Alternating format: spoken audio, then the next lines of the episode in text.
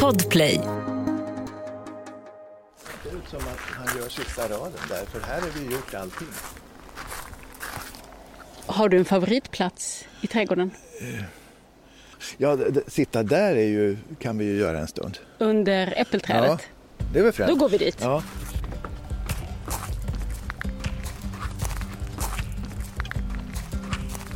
Välkommen till Naturlycka, en podd om hur vi människor kan göra vår plätt på jorden till en plats där växter och djur trivs. Och det här kan naturvårdaren Ola Jennersten allt om. Så i den här podden ska han ta oss med ut i naturen där vi ska få träffa idérika människor som hittat olika sätt att gynna biologisk mångfald på just deras plats. Som kan vara en skog, en trädgård eller till och med en gammal soptipp. Jag som är med på resan heter Lisa Tallroth och i det här första avsnittet ska Ola få visa vad han själv gör och vad du också kan göra i din trädgård. Hans ligger mellan gårdar och åkerfält i Uppland och där sjuder, surrar och myllrar det av liv.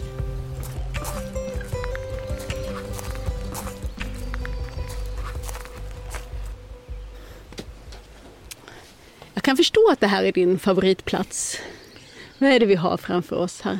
ja, här sitter man ju himla gott under det här äppelträdet och, och sen har jag en liten plantering utav perenner som med massvis med fjärilar. Och bakom det så har jag anlagt en äng som på högsommaren är otroligt artrik. Det surrar och det är en rörelse både natt och dag. Otroligt spännande. Ja, det ger en, en, en upptäckarglädje. Jag går nästan varenda dag. När jag sitter och jobbar vid datorn så varannan timme så tar jag en promenad i stigar. Det är det jag använder gräsklipparen till och gör stigar så jag kan gå igenom de här ängarna och se om jag hittar något nytt. Och efter en sån där promenad så är man redo för två timmar till jobb och sen ut igen. Och du och jag ska göra den här podden Naturlycka, heter Ja, den. ja. Vad är det för dig, Naturlycka? Ja, det är väl kanske det här. Jag har hela mitt liv varit intresserad av djur och natur. Nördigt eh, intresserad, artintresserad. Eh, när jag var tonåring så samlade jag fjärilar. Det är inte så där eh, politiskt korrekt idag men det gav mig en väldigt bra baskunskap. Kan man fjärilar så måste man kunna växter för de drar sig till växter och de är beroende av växter både för sitt nektarintag och sin larv, larvutveckling. Och sen eh, de andra djuren, fåglarna och annat kommer med på, liksom på köpet. Så att naturlycka för mig det är ju bland annat att sitta här vid det här bordet och titta på om det kommer någon ny art som inte varit här tidigare eller att se mängderna av fladdrarvingar här omkring. Det, det är hur fint som helst. Och sen har ju du ju också jobbat hela ditt yrkesliv med naturvård och som forskare och som biolog. Jajamän. Jag var forskare en gång i tiden och höll på med pollinationsbiologi just. Men sen har jag ju också haft ett fantastiskt jobb på Världsnaturfonden som har gett mig möjligheter att se natur i stora delar av världen. Där jag har jobbat med tigrar. Att möta en tiger i en indisk eh, salskog är klart... Ja, man glömmer inte det helt enkelt. Nej. Eller att vara uppe i Arktis, möta isbjörnar eller vad det kan vara. Alltså det, jag har haft en otroligt fin liv med att kunna uppleva natur och se natur. Men här i Naturlycka så ska vi röra oss i svenska miljöer, Yes. är tanken. Vi ska vara här i din trädgård nu i Mm. ett par avsnitt och vi ska sen ut i både jordbruk och skog och våtmark så småningom. Och eh, du var inne på det där att eh, artrikedom, att sitta och kanske få se en ny art eller konstatera att det är många som lockas hit till din plats i din trädgård, att det var en del av naturlyckan. Det här begreppet biologisk mångfald, det är ju det som vi också ska prata om. Ja, Är det själva förutsättningen för att du ska känna naturlycka, att det också finns en mångfald i absolut. naturen? Det är, ju, alltså det är ju förutsättning för mänskligt liv. Tänk om det inte skulle finnas all mat vi äter, allt vi upplever, allt vi tjänar pengar, väldigt mycket av det vi tjänar pengar på. Jag menar, det skulle inte fungera. Eh, Det är ju det som är så lite otäckt nu. Det här orosmolnet, det är ju det som har hänt kanske framförallt då de senaste 50 åren där vi har sett en stor nedgång på den, globalt vad gäller eh, artrikedom, biologisk mångfald. Eh, och det är väl någonting som känns jobbigt, tycker jag. Eh, att det vi gör, människan har blivit väldigt girig, vi har blivit väldigt många. Eh, vi gör stora avtryck och de avtrycken genererar eh, inte plats för så många andra arter än oss själva. Eh, vilket gör då att, att eh, på många ställen så har ju mycket av de här eh, fantastiska arterna blivit väldigt, väldigt sällsynta. Mm. Det är jobbigt och, och, det är väl lite det som Naturlycka är ju då namnet på en bok som jag skrivit också och anledningen till att jag gjorde den är ju väldigt mycket eh, ett sätt att uppmärksamma det här problemet men framför allt att eh, se vad vi människor kan göra för att hjälpa till, för att vända på den här negativa utvecklingen. Och trädgården då, där vi sitter nu, det är ju en bra början. Mm. Här kan vi göra jättemycket. Här är det upp till oss själva som individer vad, vad, hur bra det blir. Och då tänker man att det kommer krävas en massa av mig då som trädgårdsägare eller balkongägare att jag måste jobba hårt. Men, men eh, vi har ju faktiskt tänkt döpa det här avsnittet till Vad händer om jag lämnar trädgården i fred? Så är det det som är själva nyckeln här, att inte göra så mycket egentligen med sin trädgård? Ja, alltså både och är det ju. Eh, man måste ju göra saker och ting naturligtvis, men själva skötseln utav saker och ting kan ju då vara mera avslappnad. Om man ska ha trädgårdsland då med, med växter som man köper i, i, i plantskolan, där är det ju jobb. Man får gräva och greja och dona. Eh, då är det ett jobb då innan man får det att funka. Men har man då, som alla har, då en steril gräsmatta som man klipper två gånger i veckan kanske som mest på försommaren. Om man inte gör det så, så händer det saker också. Och beroende på var man bor, eh, bor man bra till så att det finns en, ett rikt fröbank under gräsmattan, då, då kan man nog bli rätt så förvånad när man låter bli att klippa vad så mycket som kan komma upp. Bor man däremot i en nyetablerad stadsdel exempelvis där allting är ditlagt, då, då kan det vara svårt att få upp någonting. Då får man kanske göra en äng exempelvis. Man kan producera en äng själv. Och det är lite jobb och lite ansträngning att komma dit. Men det är ju sen då som man kan njuta av den. Och skötseln utav ängar är ju då någonting som är väldigt lättjefullt eh, förutom ett par dagar om året. Mm.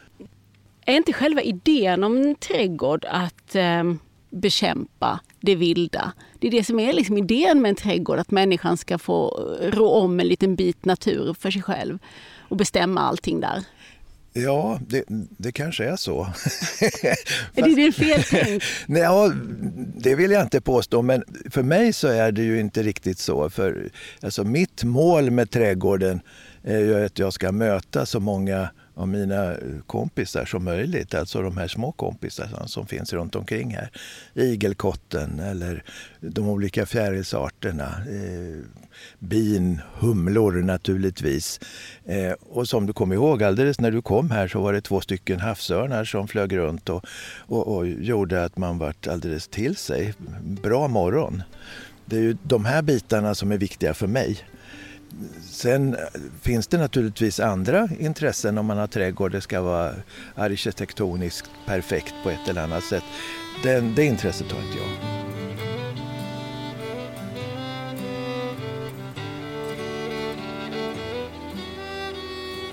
Även i, i eh, trädgårdar om man åker omkring runt en stad eller var man nu är och tittar på trädgårdar. Man har gräsmattor som man klipper flera gånger i veckan. Noll blommor. Det är alltså en grön öken. Eh, det blir också då igen då någonting som är negativt för, för våra kompisar här ute. Eh, så därför så, så tror jag på då att man ska vara lite mera eh, ja, lat, kanske det, det, är mycket jobb också ändå. Men, men alltså man ska kunna sitta ner och titta och njuta av de, som kommer på besök. Och det blir ju faktiskt ganska mysigt även för människor. Det är inte någon direkt motsättning mellan att göra en trädgård som är mysig för för de små vännerna som du kallar det, Nej. för alla insekter och för människor. Absolut, Nej, men så tycker jag. Ja, för mig gäller ju det till 100 procent. Så vad har vi här runt omkring oss då? Är det några olika delar i din trädgård som jag tänkte vi skulle titta närmare på? Var tycker du vi ska börja? Vi kan väl börja med ängen då kanske. Alltså beroende på var man bor och vad man har för förutsättningar. Eh, alla har en gräsmatta eh, kanske, i alla fall som har en trädgård så har väl ofta en gräsmatta. Man kan tänka sig att man börjar med att man bestämmer sig en del av den gräsmattan får växa vilt. Det kan vara ett första test och se vad som kommer upp. Blir det något roligt? Jag tänker maskrosor. Ja, och alla tycker illa om maskrosor. Jag läste en tysk rapport där man tittat på eh, bin i Tyskland. Tyskar är noggranna, har lagt alla de här bina under mikroskop och 71 utav många hundra arter hade pollen ifrån maskros. Vilket betyder då att maskros är kanske en av de viktigaste försommarväxterna för våra vilda bin. Det är alltså en resurs, både nektar och pollen, som är värdefull. Så att där skulle jag ju då, alltså ogräs är lite spännande. Vitblister har jag här, humlornas nummer ett favorit på våren, eller på försommaren. Var lite försiktig med att ta bort de här ogräsen. Låt, låt, eh, gör som Karl Anton, låt beundra de här små solarna. Och sen klipper man dem innan de sätter frön. Va?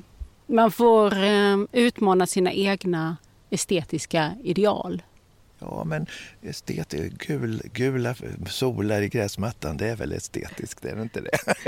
nu, nu så här på sensommaren så är det ju inga maskrosor här, Nej. men när man kommer hit på våren då är, låter du maskrosorna helt enkelt eh, poppa upp precis som de vill och behagar. Jajamän, det gör jag. Sitt och titta på dem. Då kommer de här långtungade humlorna i rad och besöker dem och dricker nektar ifrån dem.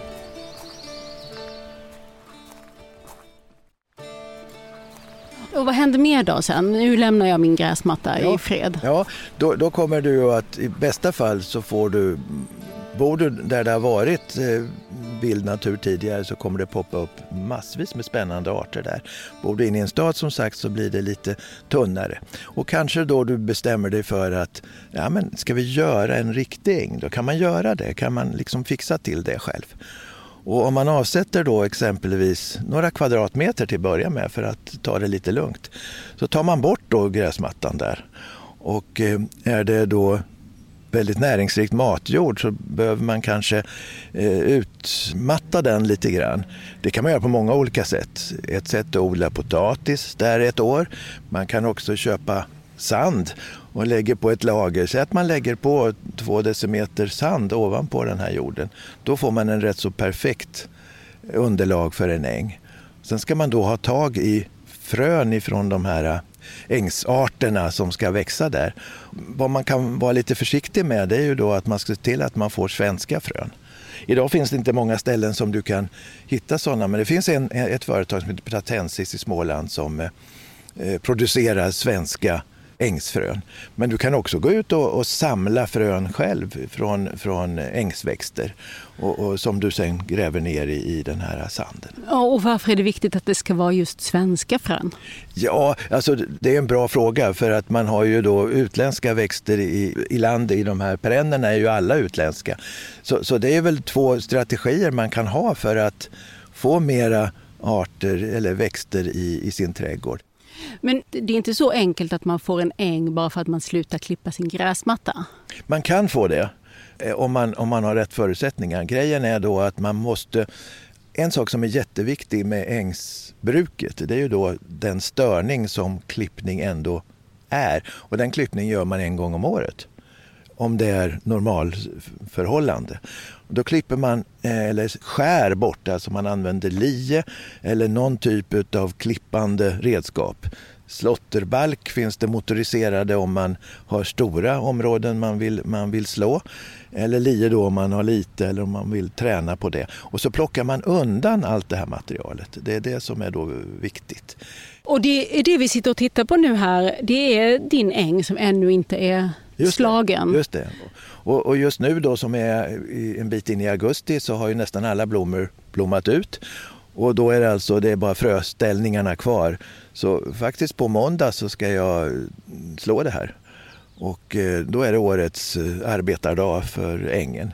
Men om jag hade kommit eh, lite tidigare här på sommaren, vad hade jag fått se för växter blomma då? Ja, det som, det som dominerar här då är rödklint, klintvädd, åkervädd som har blommat nu senast. Alla de otroligt populära hos humlor och bin. Du har sett massvis med humlor, du har sett massvis med fjärilar som fladdrat här. Lite tidigare du hade haft eh, prästkragar, exempel färgkulla. Klöver finns det gott om här, olika klöverarter.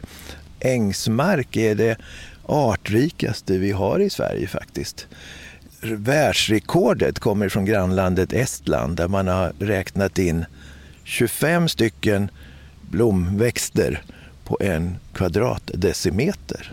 Alltså, tänk efter lite. 25 stycken växer i en kvadratdecimeter. Det är svårt att få rum med, med så mycket mer växter överhuvudtaget. Och den artrikedomen eh, beror just på den här eh, störningen som den årliga slotten utgör. Då. Och varför är det så? Då? Jo, för att ligger gräset kvar så kommer det att förmultna och då kommer det att göda jorden. Jorden blir mer och mer näringsrik vilket är bra för ett fåtal arter, höga gräs, hundkex och andra som, som är krävande arter. Då kommer de dominera totalt. Och den långa svans då med sällsynta ängsarter som vi då vill se egentligen, de kommer bli utkonkurrerade. Så det är jätteviktigt den här störningen, att man gör den.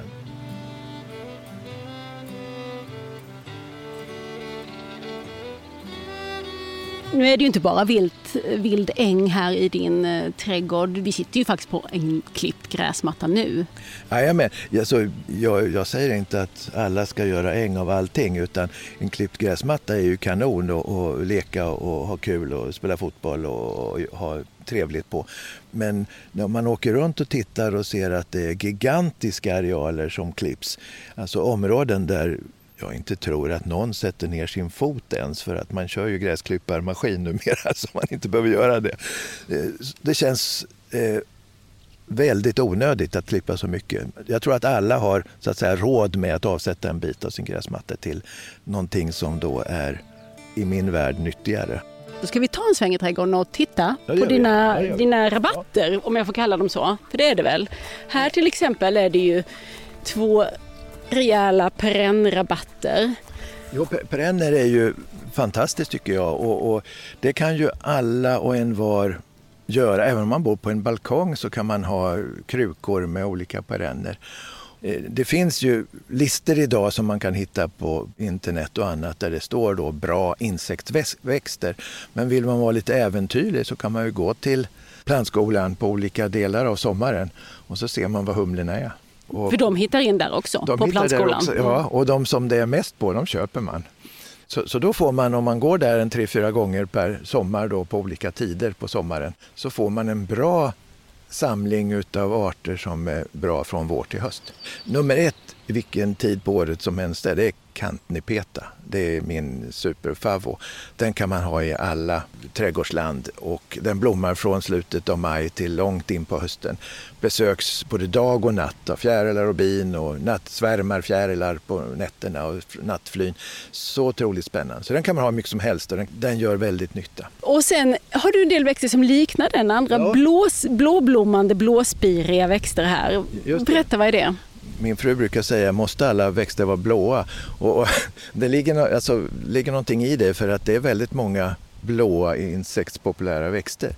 Och den som är bakom här då, det är anisisop som är väldigt populär hos humlor och bin. Sen har vi isop, finns här också. Rosenstav, rödrubäckiga tycker jag är väldigt trevlig, för just, framförallt för fjärilar ett år när det är mycket tistelfjärilar eller amiraler brukar det vara väldigt färggrant runt omkring dem. Vi går bort till den stora rabatten som du har här in till huset också. Du bor ju inte ensam här, du har ju en familj också. Är du och, och din fru till exempel överens om det här med hur vild vuxen trädgården ska få vara?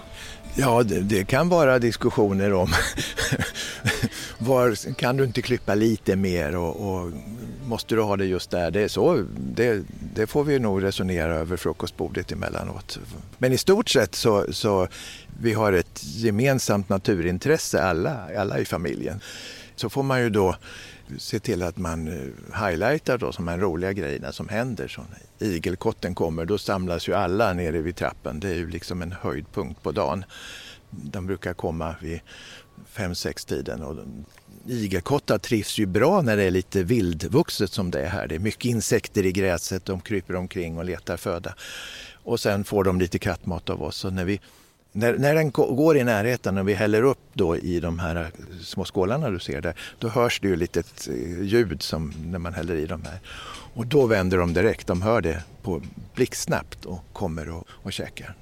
Det är ju gemensam lycka.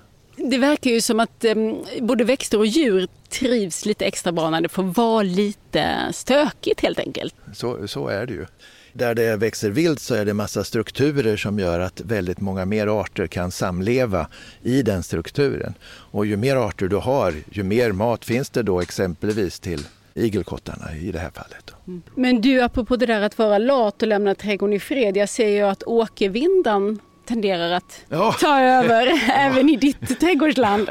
Ja, den är en överlevare, är det inte det? Jag menar, jag, jag, ett tag i somras så gick jag här nästan varje dag och försökte att slita och sen till slut så gav jag upp. Blommorna är ju fina, den har ju bara blommat nu. Den är ju klart läckra, stora vita trumpetblommor. Men den är lite destruktiv också kan jag tycka för den, de här lite högre växterna, den klättrar upp på den och får dem att falla omkull. Så att det är väl ett av de små krig som jag har då här på, för att få lite ordning på saker och ting. Ja, men det här är ju inte helt lätt att veta. För maskrosen, den tycker du är okej. Okay. Ja, den vill du gärna ha kvar. Ja, mm. Åkervindan och även mynta som jag ser att du har och som har letat sig ut i, i landet, kanske på lite fler ställen än där du tänkt dig. Det är ju också vad vi skulle kalla ogräs. Kan man, finns det någon, någon eh, mångfaldsaspekt att trösta sig med kring de här? Växterna? Ja, åtminstone myntan där är ju, är ju fantastiskt populär. Så att även fast den då tar över på sina ställen så just nu då så blommar den väldigt vackert. Om du ser då så är det, det är både fjärilar och det är mycket flugor, det är annat som åker omkring. Någon geting som söker både mat i form av insekter och, och sockerdricka i form av nektar. Den är ju populär så att eh, den får vara där. Mm. Sen brukar jag då, när, när, sen på hösten när man gör den här eh, renset så att säga, då brukar jag försöka plocka bort så mycket av dem som möjligt så att det inte bara blir sådana till slut. Men åkervindan är du också lite sur på? Ja, den tar över väldigt mycket. Mm. Mm. Du, vi, vi fortsätter ner i trädgården här för här i slutet har du ju vad jag vet att alla trädgårdsägare bör ha, en skräphög. En skräphög har jag, en, en kompost. I, I något hörn på trädgården så, så kan man då lägga mycket av det avfall som man har. Och det kan vara kvistar, grenar, löv, gräs, allt det där som eh, bryts ner på ett eller annat sätt. Och det gynnar ju då massvis av de arter då som är nedbrytare av olika slag. Här kan man ha tur och hitta Sveriges näst största skalbagge, en osornsbagge, som har alltså fem centimeters långa eh, larver som, som många tycker är otäcka men, men som jag naturligtvis gillar. Eh, men här har du också då en del arter som lever utav varandra. Så du har eh, rätt mycket reptiler, du har orm, eh, kopparödlor exempelvis eh, har vi massor här nere. Och ibland så eh, kommer det snokungar fram. Och en, en kompost blir ju varm när den bryts ner.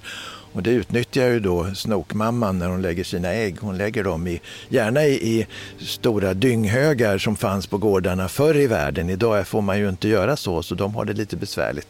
Men hittar de en sån här värmande kompost så, så, är det ju fint att lägga äggen där. Så att snokungar brukar det vara där och det brukar vara igelkottar går omkring där naturligtvis och, och letar mat. Så att en komposthög är väldigt, väldigt viktig. Men, men, när du säger så här att jag, jag vill ha snok och kopparödlor i min trädgård. Ja, jag vet, jag vet. Det, alla gillar kanske inte det. Men, men alltså, kopparödlor är ju verkligen ingenting att vara rädd för. Det är ju totalt ofarliga saker. Vackra. Små ödlor utan ben. Så varför vill du ha dem i din trädgård? Nej men det är väl bara, alltså, jag gillar ju djur. Så är det. Jag gillar det mesta som rör på sig och, och tycker det är spännande när det händer saker. Och, och, ju mer arter jag kan ha i min trädgård ju gladare blir jag. Visst, några av dem kan ju då vara tveksamma men när, när stackmyrorna kommer och ska bo i huset det kanske inte är något som jag gillar jättemycket. Och, och när vi får besök av, som vi fick i vintras, råttor som snabbt blev tio stycken som bodde under huset. Då, då var det krig en stund. Eh, så är det. Så även, även jag har ju gränser där, där jag tycker att de inte får gå över så att säga. Men de flesta är välkomna. Ja. Vi var på väg ner till komposthögen för det var den jag ville du skulle visa mig.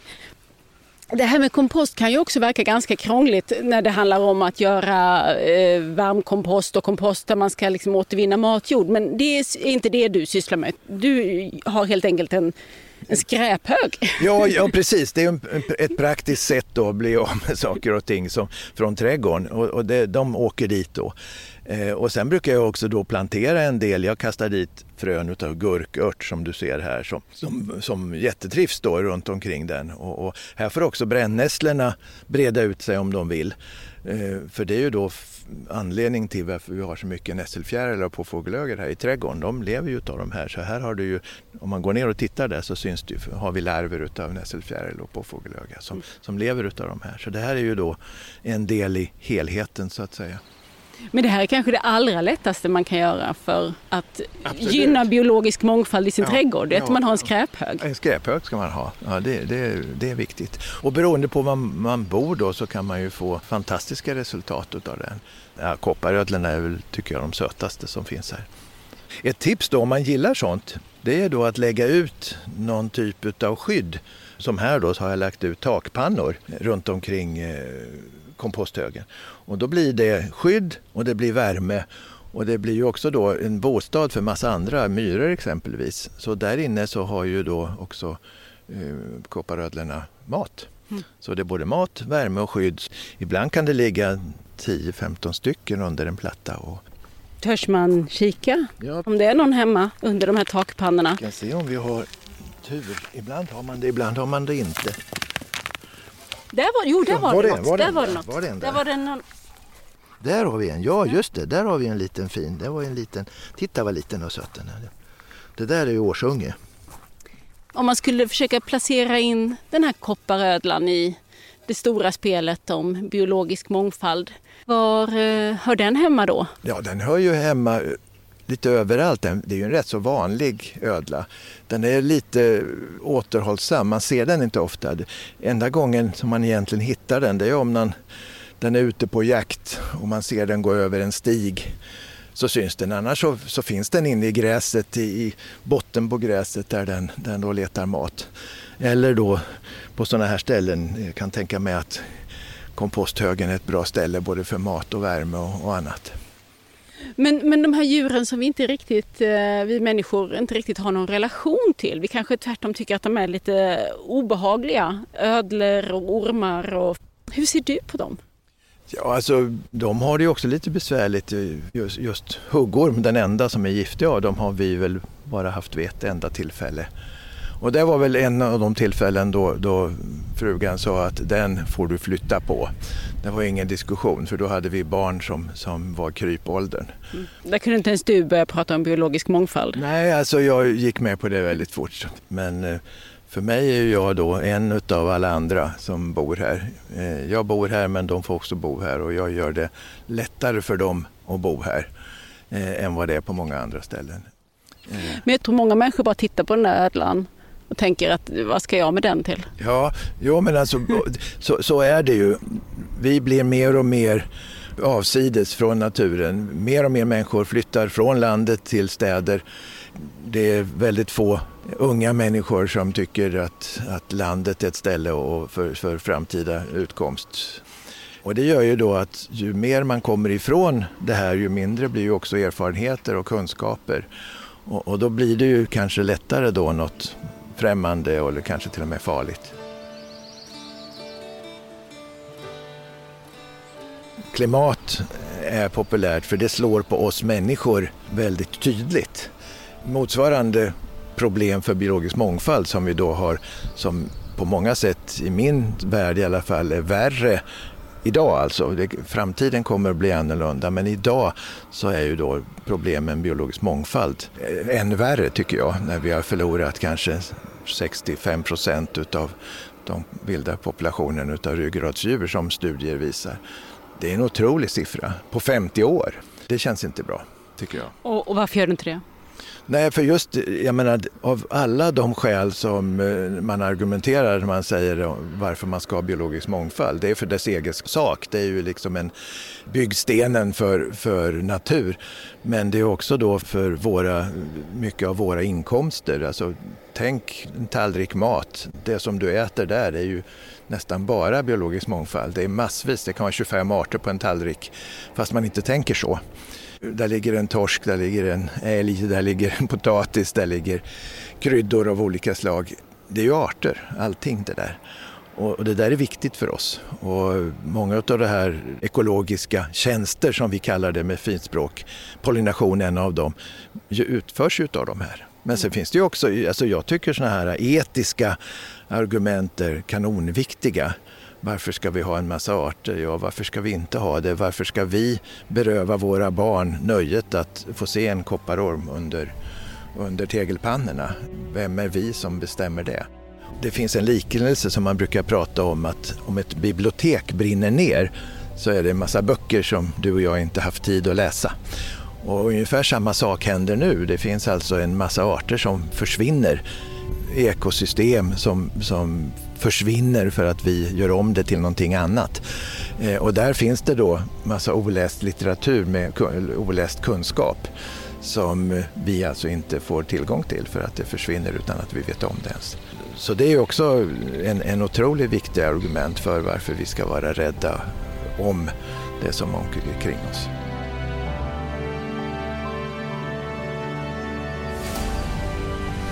Nu blåser det, nu susar det i, i vinden. Vi kanske går in, du har rätt. Här, vi smyger in i växthuset.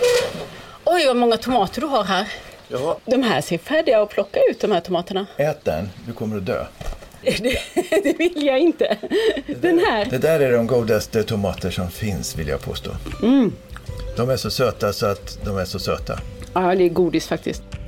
Vi ska stanna kvar i Olas trädgård en stund till för vi har en gäst på ingång till nästa avsnitt av Naturlycka. Och det är inte för inte som Ola kallar honom Humlebjörn. Det är lite insektsvärldens gosedjur.